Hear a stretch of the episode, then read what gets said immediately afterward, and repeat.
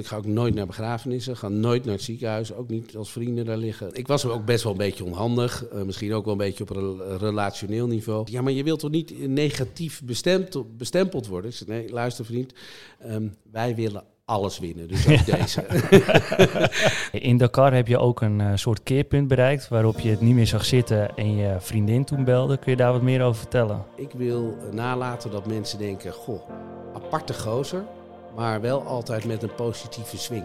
Welkom op Inspiratie bij Mijntips.nl. Mijn naam is Jan Dekker en vandaag gaan we op inspiratie bij Formule 1-expert Tim Coronel. Samen gaan we dieper in op wat hij heeft geleerd van avonturen als Dakar Rally en Expeditie Robinson. Verder bespreken we hoe hij zichzelf zo'n positieve mindset heeft kunnen aanmeten. Blijf dus vooral luisteren en like, deel of abonneer. Zo inspireren we nog meer. Tim, bedankt dat ik hier mag zijn. Zelf ben je best wel positief. Hoe komt het zo?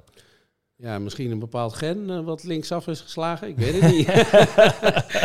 nee, ja, ik hou altijd wel van lichtpuntjes. Ja, ik zeg altijd maar zo, weet je, wat doe je als het regent? Ja, pak je een paraplu, want anders word je gewoon nat. Uh, en uh, wat doe je als de zon schijnt? Ja, je smeert de factor op, want anders verbrand je. dus ja, je moet het lekker simpel voor jezelf houden. Je kan wel in hele moeilijke gedachtegangen terechtkomen. Uh, soms heb je dat natuurlijk wel eens nachts als ondernemer. Maar uh, ja, als je dan uh, gewoon rustig even opschrijft en jezelf weer dat op het daden brengt, dan, ja, dan, dan, gaat alles automatisch wel weer naar voren. Want ja, het enige wat je wil is leuke dingen doen en leuke dingen achterlaten. En ja, zo, zo, sta ik nou helemaal in het leven. Ja, ja mooi. Mooie filosofie. Plezier maken. Ja, je schrijft dingen op, zei je. Ja, hoe doe je dat precies? Uh, als je s'nachts wakker wordt bijvoorbeeld? Nou, ik denk dat elk mens dat wel heeft, ook als ondernemer in ieder geval. Hè. Dan uh, gaat s'nachts, dan ga je in je bed liggen en dan ga je ineens gaat het malen. Ja. En, uh, en dan zit je eigenlijk uh, urenlang op te vreten over hoe je het op moet lossen, dit en dat. Ik schrijf het gewoon op, eigenlijk van me af, moet je maar denken. Ja, en ondertussen weet ik dat uh, ja, als je de volgende dag dan een paar belletjes doet, dat het zichzelf altijd oplost. Dus dan denk je, Jamie, heb ik zo lang uh, daarvoor wakker gelegen. Dus uh, ja, als je het dan opschrijft, dan kan je gewoon daarna weer lekker gaan slapen. Dus ja. heerlijk. Ja, dat is wel een mooie mindset. Ja, en het, het werkt voor mij in ieder geval. Ja. ja. Ja. het is wel grappig dat je over een bepaald gen begint, want 40% schijnt uh, genetisch bepaald te zijn of je echt heel gelukkig bent van jezelf al of niet. Mm -hmm. En de resterende is een beetje uh, omstandigheden en dat soort dingen. Uh, blijkbaar beheers je het goed. Ja, en, en de omgeving. Hè. Dus ja, de, de omgeving moet daar natuurlijk wel een beetje aan meewerken. En ik merk wel dat mijn familiaire situatie zo lekker is dat ik ja, me echt kan focussen op de puntjes waar je op dient te focussen. En ik word lekker vrijgelaten, dus dan, dan gaat alles automatisch. Ja, ja je vertelt al dat je vader bent van twee kinderen. Vertel eens, uh, wat maakt het in je los? Ja, eigenlijk heel veel. Eh, laat ik het zo zeggen, ik was vroeger best wel een egoïstische bastard. Dat moet je ook wel zijn op het circuit. Um, altijd wat meer met mezelf bezig, maar sinds, ik, uh, sinds we eigenlijk een gezin hebben, is het echt wel wat meer samen. We, vroeger als man zijn, deed ik mijn best om niet thuis te zijn. en tegenwoordig doe ik mijn best om wel thuis te zijn. Ja. En dan probeer je altijd wel uh, het zo leuk mogelijk te maken thuis. Dus uh, ja, die glimlachjes van die onbevangenheid, ik denk dat dat mij heel erg triggert. Um, ja, dat doet me heel veel. En ja, dat maakt je misschien wat zachter als mens, maar ook wat gelukkiger. Ja. ja. Het is het mooiste avontuur wat je in het leven kan maken. En jullie maken wat avonturen mee. Dat ja. doe ik ook natuurlijk. Maar uh, nee, ik doe altijd wel mijn best om die glimlachjes mee te maken. Ja, dus je prioriteiten zijn wel iets verschoven sinds je vader bent geworden. Ja, ik denk dat de prioriteiten zeker zijn verschoven. Um, je moet je voorstellen dat uh, ja, ik was altijd alleen op reis en uh, altijd gezellig doen en dit en dat. En nu ja, de familiaire situatie, die onbevangen glimlach, die uh, geeft mij heel veel, uh, ja, dat geluksschennetje heb ik zo het idee. En um, uh, als ik dan thuis ben, dan zijn we altijd wel met leuke dingen bezig, gezamenlijk. Ik vind het ook heel leuk om met de familie lekker met de camper erop uit te gaan. Ben je altijd lekker één op één. En ja, ze moeten wat mij betreft altijd een beetje het boefje zijn. Vind ik altijd wel leuk, maar wel met normen en waarden, dat durf ik wel te zeggen. Um, ja, en ik vind het gek, ze zijn nu zes en negen en uh, ja, het, het, wordt alleen maar mooier. De eerste twee jaar durf ik ook wel te zeggen, hak er weinig mee. Um, maar toen de herkenbaarheid kwam en, um, en ja, dat onbevangene wat ik kon ontvangen, laat ik het dan zo zeggen. Dat, uh, ja, toen uh, ja, ging het dakje los bij mij. ja.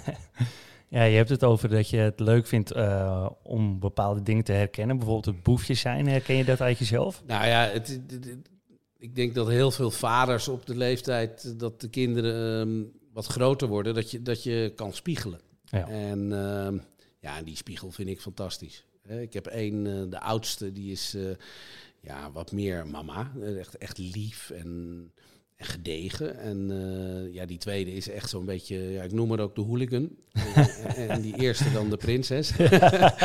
ja, ja, je ziet daar toch wel, uh, uh, zie ik heel veel herkenbaarheid. En ik dacht na de eerste, ik kan nooit zoveel houden als, als deze van een ander. Maar ja, uiteindelijk ja, ga je er ook aan. En wat mij betreft, ja, doe de nummer 10. Ja, ja. ja leuk. Hey, over houden van gesproken. Je hebt ooit wel een keer geroepen dat je meer van je broer zou houden dan van je vrouw. Hoe moeten we dat precies zien?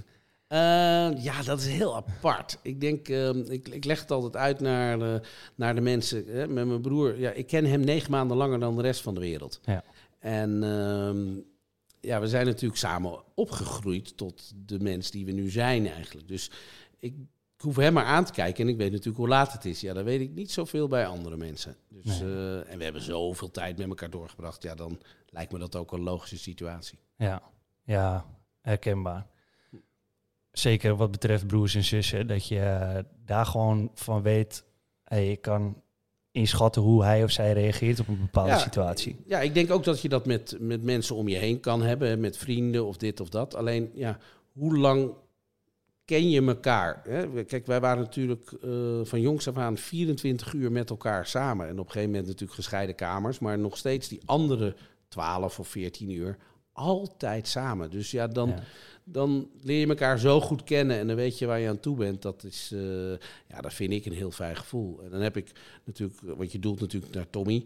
Dat is natuurlijk mijn tweelingbroer. Maar met mijn andere broers is dat altijd anders geweest. Omdat die in een ja, andere leeftijdscategorie zitten. Je trekt wat minder met elkaar op. Dus ja, ik denk met hoe meer je met iemand optrekt, hoe meer je iets samen kan hebben, delen, voelen. Verbinding. En verbinding, dat is eigenlijk wat het is, ja. Ja, mooi. Hey, die verbinding voel je natuurlijk ook in de, in de raceauto. Je vrouw race ook. Stel je voor dat je met je vrouw de kar zou doen. Nou, ik, hoef me dat niet voor te stellen, want het is namelijk gebeurd. De eerste Dakar in 2007 eh, heb ik samen met de prinses uh, gedaan, met Gaaps. En um, zij kwam in 2006 kwam zij terug, omdat zij mee was geweest met een maatje van ons, Marcel van Vliet, om uh, als persauto uh, verslag te doen daar vandaan. En op een gegeven moment komt ze thuis en zegt ze van, joh Tim, ik wil de Dakar een keer met jou doen, lijkt me vet. En uh, nou moest ik wel even over nadenken. Hè, want je moet je voorstellen als je vrouw uh, eigenlijk 24-7 bij je is. Um, kan heel fijn zijn, vooral in het begin hoor. Maar uh, op dat ogenblik en ook nog eens een keer bepaalt waar je naartoe moet qua weg. En ook nog eens een keer de snelheid bepaalt qua risico's. Want ja, ze gaat gewoon minder zeggen als, er, uh, als, het, als je te snel gaat. Dus ja, daar moest ik wel even over nadenken. Maar ik durf wel te zeggen dat dat ons wel meer tot elkaar heeft gebracht ook. Ja, ja. En we, we delen dezelfde passie. Dus um, ja, ik, ik hoef maar twee woorden te zeggen en ze snapt waar ik naartoe wil. Ja. ja, ik snap wel wat je zegt, dat je daardoor meer tot elkaar komt. Dat hebben wij ook meegemaakt uh, toen we op wereldreis waren. Dan zit je ook 24-7 bijvoorbeeld in een campertje. Ja. En dan weet je precies wat je van iemand kunt verwachten, maar je wordt ook heel bewust van je eigen gedrag. Je wordt ook heel erg gespiegeld van ja. waar liggen mijn normen en waarden? Wat vind ik heel belangrijk? Ja, je komt gewoon wat meer naar elkaar. Ja. En uh, ja, daardoor word je ook een team.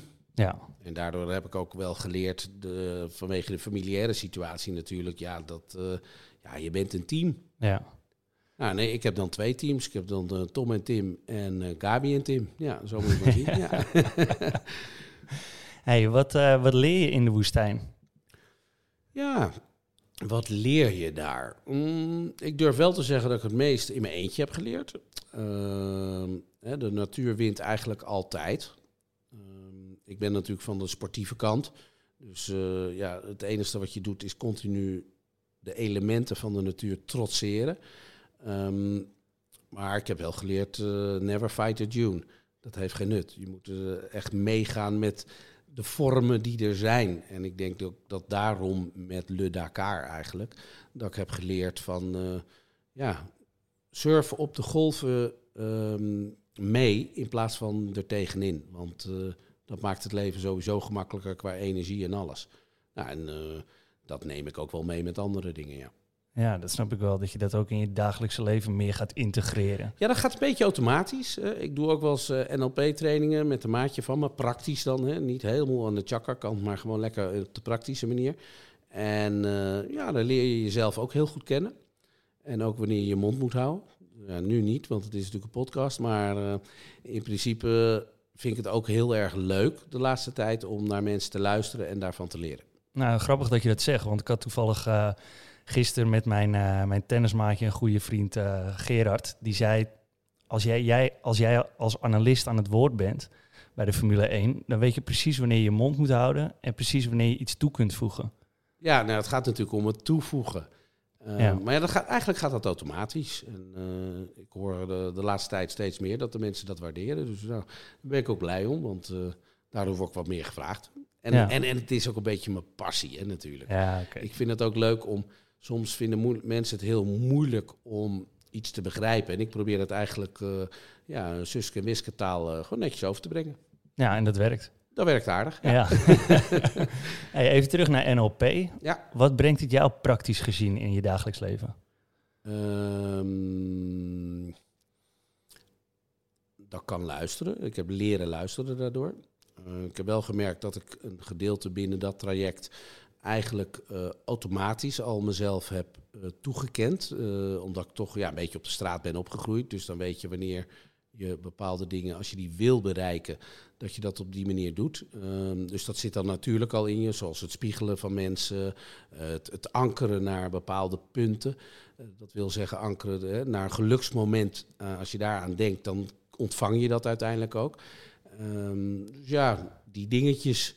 En ik vind het heel leuk om twee keer per jaar de training te doen. Eigenlijk doe ik elk jaar dezelfde training. Um, maar ja, ik vang, of je als mens ontvangt niet altijd alles, maar je ziet, je herkent dingen en daarmee uh, ja, probeer je dan ja, het leven wat makkelijker te maken. En kun je een specifiek ankerpunt noemen als voorbeeld? Ja, zeker. Welke ik altijd heel vaak gebruik, is uh, dat in 2010 reed ik met een Dakar buggy. Uh, ja. In 2009 kwam natuurlijk de crisis. Um, maar ik moest en zou Dakar rijden. Dus een maatje van mij die belde en die zei: Joh, Tim, ik kan voor de helft van het geld kan ik een buggy uh, maken. Ik zei: Nou, helemaal goed, doe maar. Want ik moest en zou Dakar weer doen. Want dat zat mij... in je hoofd. Ja, ja, ja dat, dat, moest ik doen. En uh, ineens kwamen de eerste tekeningen. En toen zag ik: hm, ik moet in mijn eentje.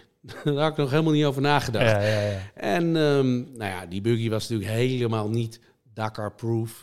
Ik durf wel te zeggen dat het eigenlijk de slechtste auto was die ik ooit heb gehad. Maar um, ik reed toen uh, in de Dakar en dag drie um, waren eigenlijk alle solo-rijders waren al uitgevallen. Dus ik dacht, ja, ik ben al de winnaar. Um, en uiteindelijk heeft mij ervoor gezorgd dat ik uiteindelijk de finish heb gehaald. ja, omdat ik het gewoon, ja, ik ben niet van het opgeven. Um, en, maar al mijn relaties, oeps, maar al mijn relaties, die, um, ja, die kijken altijd naar me op omdat ik uh, nooit opgeef. Ja. En um, ja, toen uiteindelijk haalde ik het. Ja, dat was iets ongelooflijks. Ik was de eerste man in de wereld die het heeft gehaald in zijn eentje in een, uh, in een solo-auto. En ja, nu gebruik ik dat ankermoment van die finish nog altijd uh, ja, ja, sommige dingen die je wil bereiken zijn nou eenmaal moeilijker dan dat je als eerste insteek uh, ergens aan begint. Maar ik zeg ook altijd erbij, joh, als het echt zo makkelijk was, kon iedereen het. Dus uh, zolang je het lekker volhoudt en door blijft gaan met normen en waarden, um, kom je er echt altijd. Ja, want zoals... Met alles wat je wil. Want als ondernemer ja, heb je veel te maken gehad met tegenslag. Ja, of leermomenten, het is maar hoe je het ziet. Ja, hè? precies. Ik, ik, zie het niet als tegenslag, ik zie het als, als leermomenten hoe je dan kan manoeuvreren om uiteindelijk toch bovenop die berg te komen. Want het is natuurlijk een berg zoals de wereld het eigenlijk ziet. Ja. En um, nou, misschien door je insteek en misschien leermomenten. Ik heb denk ik ook wel een beetje geluk gehad onderweg, maar ja, sommige mensen zeggen dan, ja Tim, dat dwing je ook af. Um, ja, je moet gewoon leuke dingen doen. Ja. Alleen, uh, je moet niet in beweging blijven. In beweging blijven. En zolang je dat doet en een ankerpunt, of in ieder geval dat lucht of de licht aan het einde van de tunnel altijd blijft zien, ja. durf ik te zeggen, dames en heren, nooit opgeven en ga voor wat je voelt. Ja, ja mooi. Ja. Hey, in Dakar heb je ook een soort keerpunt bereikt waarop je het niet meer zag zitten en je vriendin toen belde. Kun je daar wat meer over vertellen? Oh, je hebt je goed ingelezen. Uh, ingelezen. nou, ik durf wel te zeggen van... Uh, ik was ook best wel een beetje onhandig. Uh, misschien ook wel een beetje op een relationeel niveau. En ik stond midden in de duinen, helemaal in mijn eentje. En ja, ik kon niet meer. Dat was trouwens dag 4, 2010. En ik kon niet meer. Ik was eigenlijk de enigste solo-rijder nog over. Dus voor mezelf had ik de overwinning al. En um, ik was aan het graven en ik kwam niet weg. Ik denk, nou, het is klaar, ik moet blijven staan, ik kom er niet meer uit. Dus ik ben uh, naar de top van de duin uh, ben gelopen. Ik heb mijn satellietfoon heb ik, opengeklapt. En ik heb de prinses gebeld. Ik zei, joh schat, het is klaar, ik kan niet meer. En um, toen zei ze op een gegeven moment van, joh Tim, ik snap jou niet. Jij altijd met je grote bek, dat je nooit opgeeft en de dit en de dat. Uh, weet je wat, uh, zorg maar dat je eruit komt, uh, zorg maar dat je in het bivak komt. En ze drukte me zo weg. Ja. Dan sta je in je eentje midden in de woestijn. Eigenlijk wilde je van, ja Tim, het is goed Beetje zo. steun. Beetje steun en dat soort dingen. En ik kreeg eigenlijk gewoon een grieptegel op mijn neus. Van, joh, wat zit je nou te zeuren? Doorgaan. Ja. Nou, dat vond ik zo vet. En dat heeft mij echt wel een keerpunt in het leven gegeven. En ja, dat is echt wel ook een ankerpunt. Dat als het tegen zit, zoek in je omgeving mensen die je altijd energie geven of die trigger kunnen geven dat je door moet gaan. En uh, nou ja, dat is ook een ankerpunt. Dus uh, zowel de finish van 2010 is een ankerpunt. Want dat is iets ongelooflijks, iets onbezonnens ook. Dat ga ik ook nooit meer doen hoor, daar niet van. um, ja, en die keren in de duinen, ja. En dan merk je toch dat bepaalde mensen je een bepaalde positieve swing geven. Nou, als jij met dat soort mensen omgaat, waarvan je kan leren, ik zeg altijd, ook altijd maar zo, uh, ik zeg niet dat het zo is, maar mij uh, werkt dat zo. De bubbel waarin je leeft is de bubbel die het geluk geeft. Dus zoek ook de positieve punten binnen je omgeving, want die trekken je mee in dat verhaal. En dan, uh, dan gaat eigenlijk alles automatisch. Dat je in een soort flow komt. Ja, je komt in een flow. Kijk, als de hele dag, als je met iemand die de hele dag alleen maar aan het azijn pissen is en alles maar negatief is, ja, dan, ga, dan word je naar beneden getrokken of naar dat moment getrokken. Of dat ja. naar boven of naar beneden is. Um, dat, uh, dat is dan praktisch anders. Maar ja, ik wil altijd met mensen omgaan die mij uh, ja, dat, dat, dat, dat triggertje geven van geluk ja. en, uh, en blijdschap. En ik ben misschien ook een raar persoon, want ik ga ook nooit naar begrafenissen, ga nooit naar het ziekenhuis, ook niet als vrienden daar liggen. Dat weten mensen. Dus ik krijg ook niet die uitnodiging, want ja, ik heb me daar eigenlijk als mens voor geblokkeerd. Of het goed is of fout, dat is ieder zo zijn eigen oordeel, maar ik voel me er prettig bij.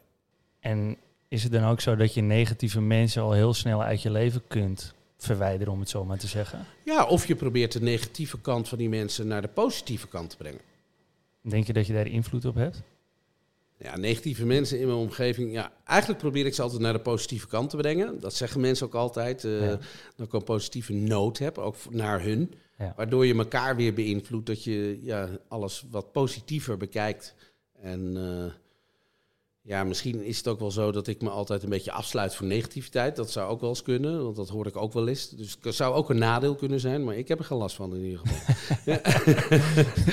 ja. Er is dus niet een moment dat... Uh eigenlijk alle ballen die je misschien dan onder water drukt, dat die in één keer naar boven komen tijdens een moment? Nou, ik denk dat ik het wel. Hè, ik weet nog dat ik uh, met Expeditie Robinson op het eiland lag en dat ik met een nachtmerrie uh, bij, aan de kant van het water wakker werd. En dat ik ehm, echt voelde dat eh, eventueel een familielid van mij, mijn guppy, verdronk. Nou, toen werd ik wel even hondsdol. Moest ik mezelf wel even tot bedaarde brengen. Um, maar ja, aan de andere kant dacht ik ook wel, ja ook wel fijn dit, want uh, dat betekent dus dat ze heel veel voor je betekent. Dus ja, ik draai van iets negatiefs naar iets positiefs toe. En uh, ik merkte wel op dat ogenblik dat, dat ik ja, eigenlijk mijn guppen heel erg miste. En uh, nou, dat is ook wel fijn om te weten als mens, ja. Nou ja, je guppen zijn je dochters, om het even ja, te correct, correct, Ja, de prinses en de hooligan. Ja. ja. En wel mooi zelf uh, heb ik tijdens het klooster in Thailand, daar ben ik voor zo'n twee weken geweest, mm -hmm. uh, ben ik mezelf tegengekomen. Jij hebt gezegd dat je tijdens Expeditie Robinson ook meerdere keren jezelf een beetje bent tegengekomen. Ja, ja. Hoe ging dat precies? Nou ja, eigenlijk, ik kom mezelf meer tegen met Dakar. Hè, omdat je fysiek en mentaal wordt je echt helemaal uitgevrongen. Ehm, waardoor je jezelf dus tegenkomt en je jezelf weer de lading moet geven om, om, om door te gaan. Want ja, de prijzen zijn aan de finish, niet halverwege. Um, ja, dat merkte ik ook bij de expeditie natuurlijk. Hè. Dat is natuurlijk ook een tactisch spel, uh, emotioneel. Word je ook een beetje wat, ja, je wordt wat emotioneler, omdat je, je krijgt geen eten. Ja, je moet zelf op pad naar eten, dus dan heb je tekort. Dus je merkt gewoon dat je fysiek en mentaal ook een beetje uitgevrongen wordt. Ja, en dan krijg je gewoon spiegels voor je neus. En dan is je, wat doe ik hier? Nou, dat is heel simpel. Plezier hebben en uh, zit niet zo te zeuren. Uh, de prinses van huis die zei van Tim, ga maar lekker vissen of zo. Dus dan, nou, dan ga je maar lekker vissen. En dan zit je lekker een beetje te kijken. En dan heb je weer een vis te pakken. En dan krijg je weer die positieve swing. In plaats van in een hoekje weg uh, zitten kwijnen, uh, gewoon actie erin houden. En zolang je actie erin houdt, dan ontvang je dat uiteindelijk altijd terug. Ik denk dat dat wel je kracht was tijdens Expeditie Robinson. Want zelf is mijn vriendin, die is groot fan van Expeditie Robinson. Oh, wat leuk. En uh, zelf kijk ik eigenlijk niet zoveel. Alleen op het moment dat jij in beeld verscheen, uh, bleef je zo erg jezelf. En dat viel me heel positief op. En, mm -hmm. en, op, en eigenlijk daardoor ben ik dat seizoen een beetje gaan kijken door jou. Oh, wat leuk. Dus, uh... nou, ja, ik hoor dat van heel veel mensen. Uh, nou, ik ga het je nog mooi vertellen. Wist je dat ik geen één aflevering heb gezien voordat ik naar Expeditie ging? Oké. Okay. Uh, mijn prinses de Gabi is ook helemaal fan van Expeditie. Maar ik ben eigenlijk altijd lekker op de computer aan het werk. En uh, ik moest zwemmen, ik moest dit, ik moest dat. Ik, nou ja, bijna geluisterd, zeg ik dan altijd. Eigenlijk, ik had gewoon niks gedaan. Um, en ik kwam daar aan en na een aantal dagen kwam ook productie. op Tim, uh, ga je nog een keer het spel spelen? Toen dacht ik, spel? Oh ja, shit, we zijn hier om het spel te spelen. Maar ik, ik, ja, ik dacht van, joh, zoek het lekker allemaal uit. Ik, uh, ik wist dat ik qua persoon uh, best wel sterk ten opzichte van de medekandidaten in, in, in de spelletjes uh, ging. Ja. Dus ja, joh, ik hoefde me niet zo druk te maken. Ik denk, joh, zoek het allemaal maar uit. Ik laat het lekker over me heen komen. En ik ben lekker gaan vissen en ik had heel vaak geluk. Dat hebben jullie niet gezien. Maar um, elke ochtend had ik wel 30 krabben te pakken. Want ik was ook s'nachts was ik altijd aan de gang. Um, en ja, ik bemoeide me niet zo met het, met het spel. Maar ik wist, joh als team moeten we winnen. Dus ik moet zorgen dat er energie in zit. En uh, ja, blijf mezelf lekker. En ik zag wel dat uh, het Nederlands publiek daardoor mij als persoon heel erg kon waarderen. Dat uh, ja, vond ik ook wel heel leuk om te zien, eigenlijk. Maar ik had het zelf niet zo gezien, want ja, je weet natuurlijk nooit wat de anderen doen achter de camera. Maar ja, ik vond, ik vond het eigenlijk wel fijn. Want daar je hoeft je telefoon niet op te nemen. Je hoeft niet daarmee rekening te houden. Je hoeft er eigenlijk maar twee dingen te doen. Zorgen dat je de proef won. En, uh, en eten verzamelen. Ja. Dus ja, ik vond het wel een heel leuk, simpel vorm van leven eigenlijk. Het gaf me wel een, ja, een geluksgevoel eigenlijk. Ja, ja snap ik. Even en, ik. En ik had een leuk team omheen. Hè. Dat werkte ook wel.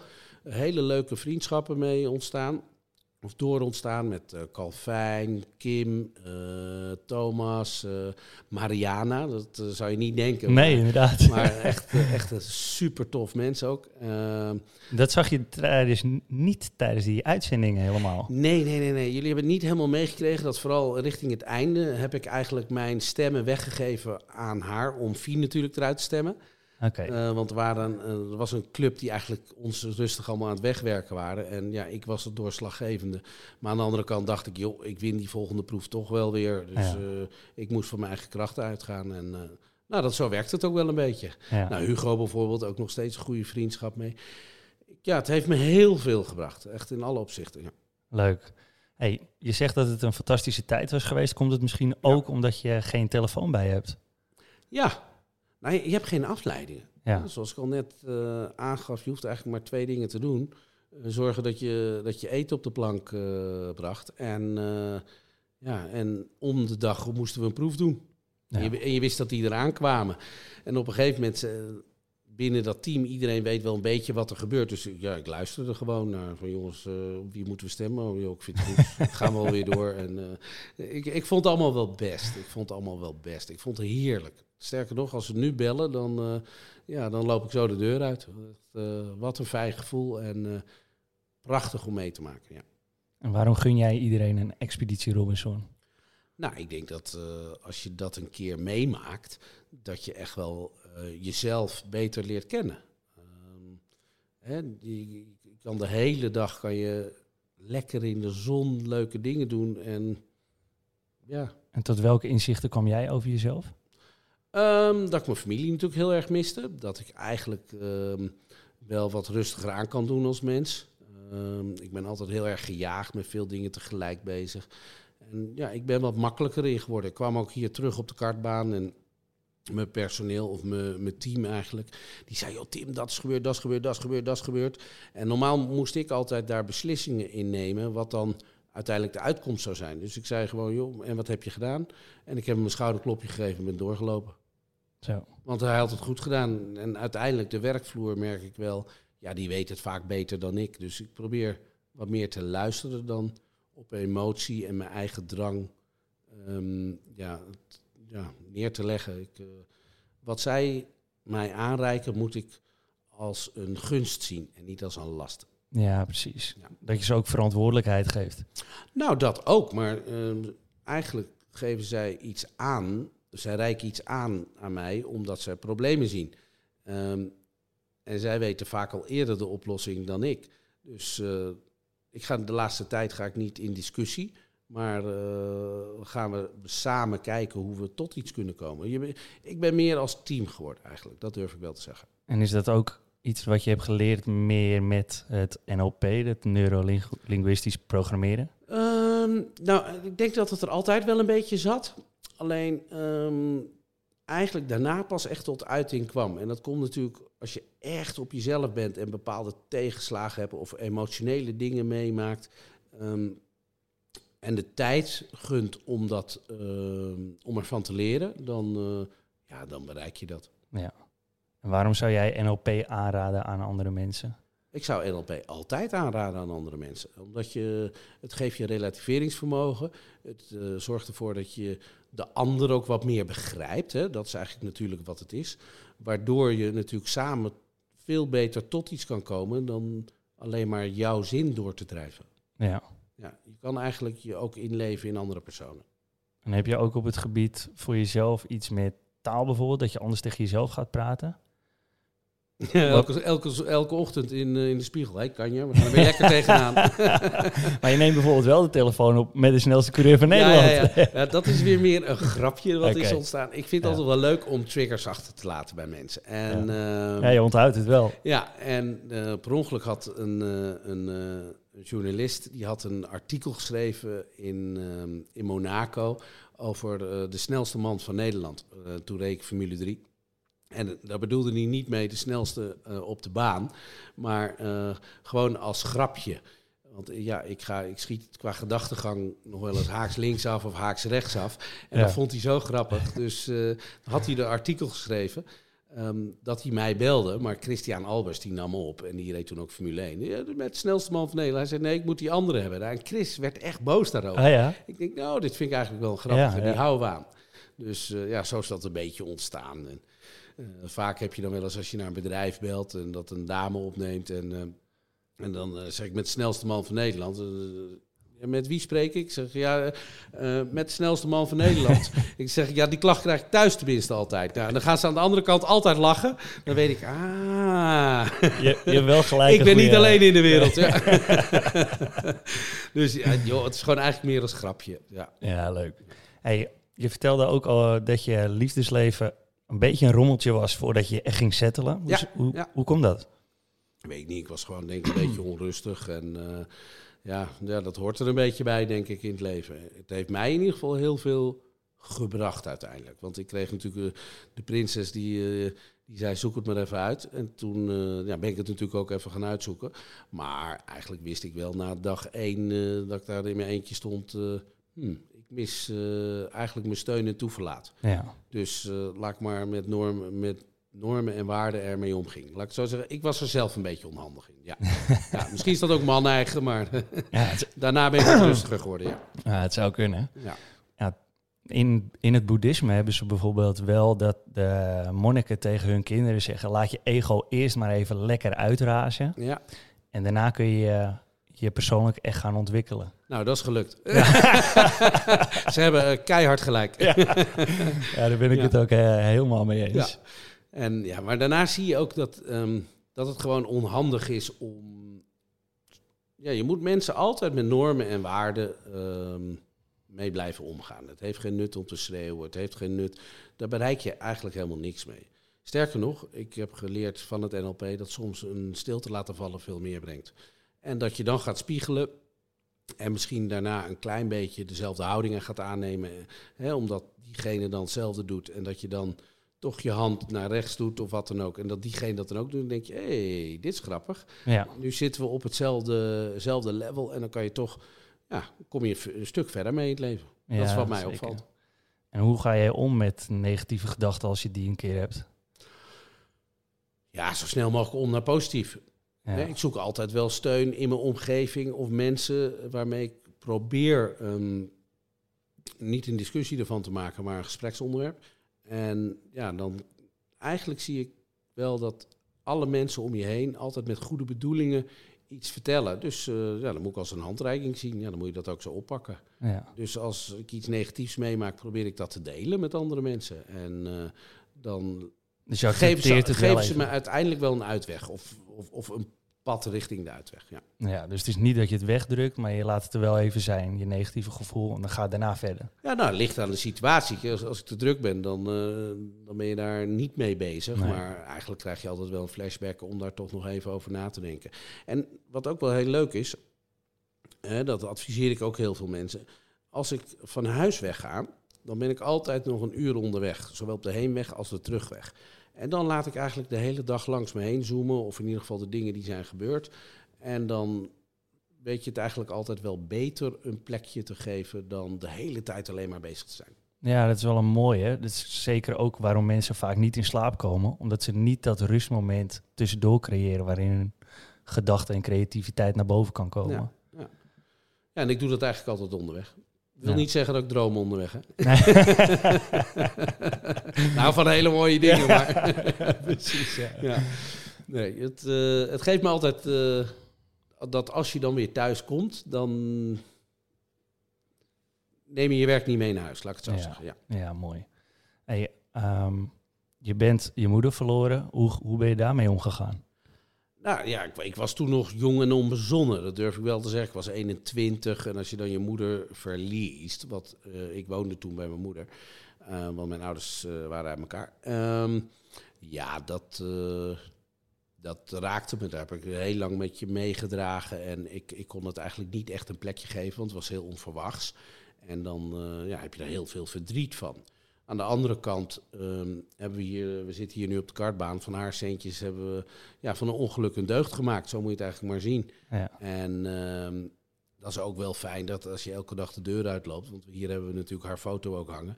Want uiteindelijk door haar hebben we dit staan. Ja. En um, uh, het was natuurlijk een alleenstaande moeder, dus we hadden wel eens een man in huis en uh, die mocht alleen blijven als hij kartbaan achter in de tuin bouwde. nou, allereerst we hadden een postzegeltje, dus dat kon helemaal niet. Maar dat was wel de uitspraak. Ja, ja. Dan uh, overlijdt ze en van haar centjes hebben we toch iets nuttigs nog weten te maken. En nou ja, op een gegeven moment slijt dat en kan je het een plek geven. Ja, en zijn er nog momenten dat je dat je er echt stil van kan worden? Nou, tuurlijk kan ik er nog stil van worden. En dat zijn vooral de momenten dat je eigenlijk advies nodig hebt. Dus het zwaar hebt, eh, emotioneel. Um, en dan ja, denk ik altijd wel aan hoe zij in het leven stond. En een uh, hele frivole tante. Um, zag ook nergens een belemmering in. Of niet door wijsheden, laat ik het zo zeggen. en ja, dat pak je dan maar weer beet. En dan uh, is dat weer eigenlijk een soort anker die je die je kracht geeft om weer uh, in ieder geval tot een oplossing te komen. Ja. Voor jezelf en, en voor de mensen om je heen. Dus ja, ja het, ik denk dat iedereen met levenservaringen um, dat soort dingen zichzelf wel kan toe-eigenen. Dus ja, denk daarover na. Ga daar op die manier mee om. En kijk altijd naar, uh, naar het licht aan het einde van de tunnel en niet naar uh, hoe donker het is waar je daar op dat ogenblik staat. Nee, is dat ook iets wat je ondernemers mee zou willen geven? Zeker, zeker. Kijk, ik heb natuurlijk het geluk dat met racen heb ik al best wel een beetje qua natuur.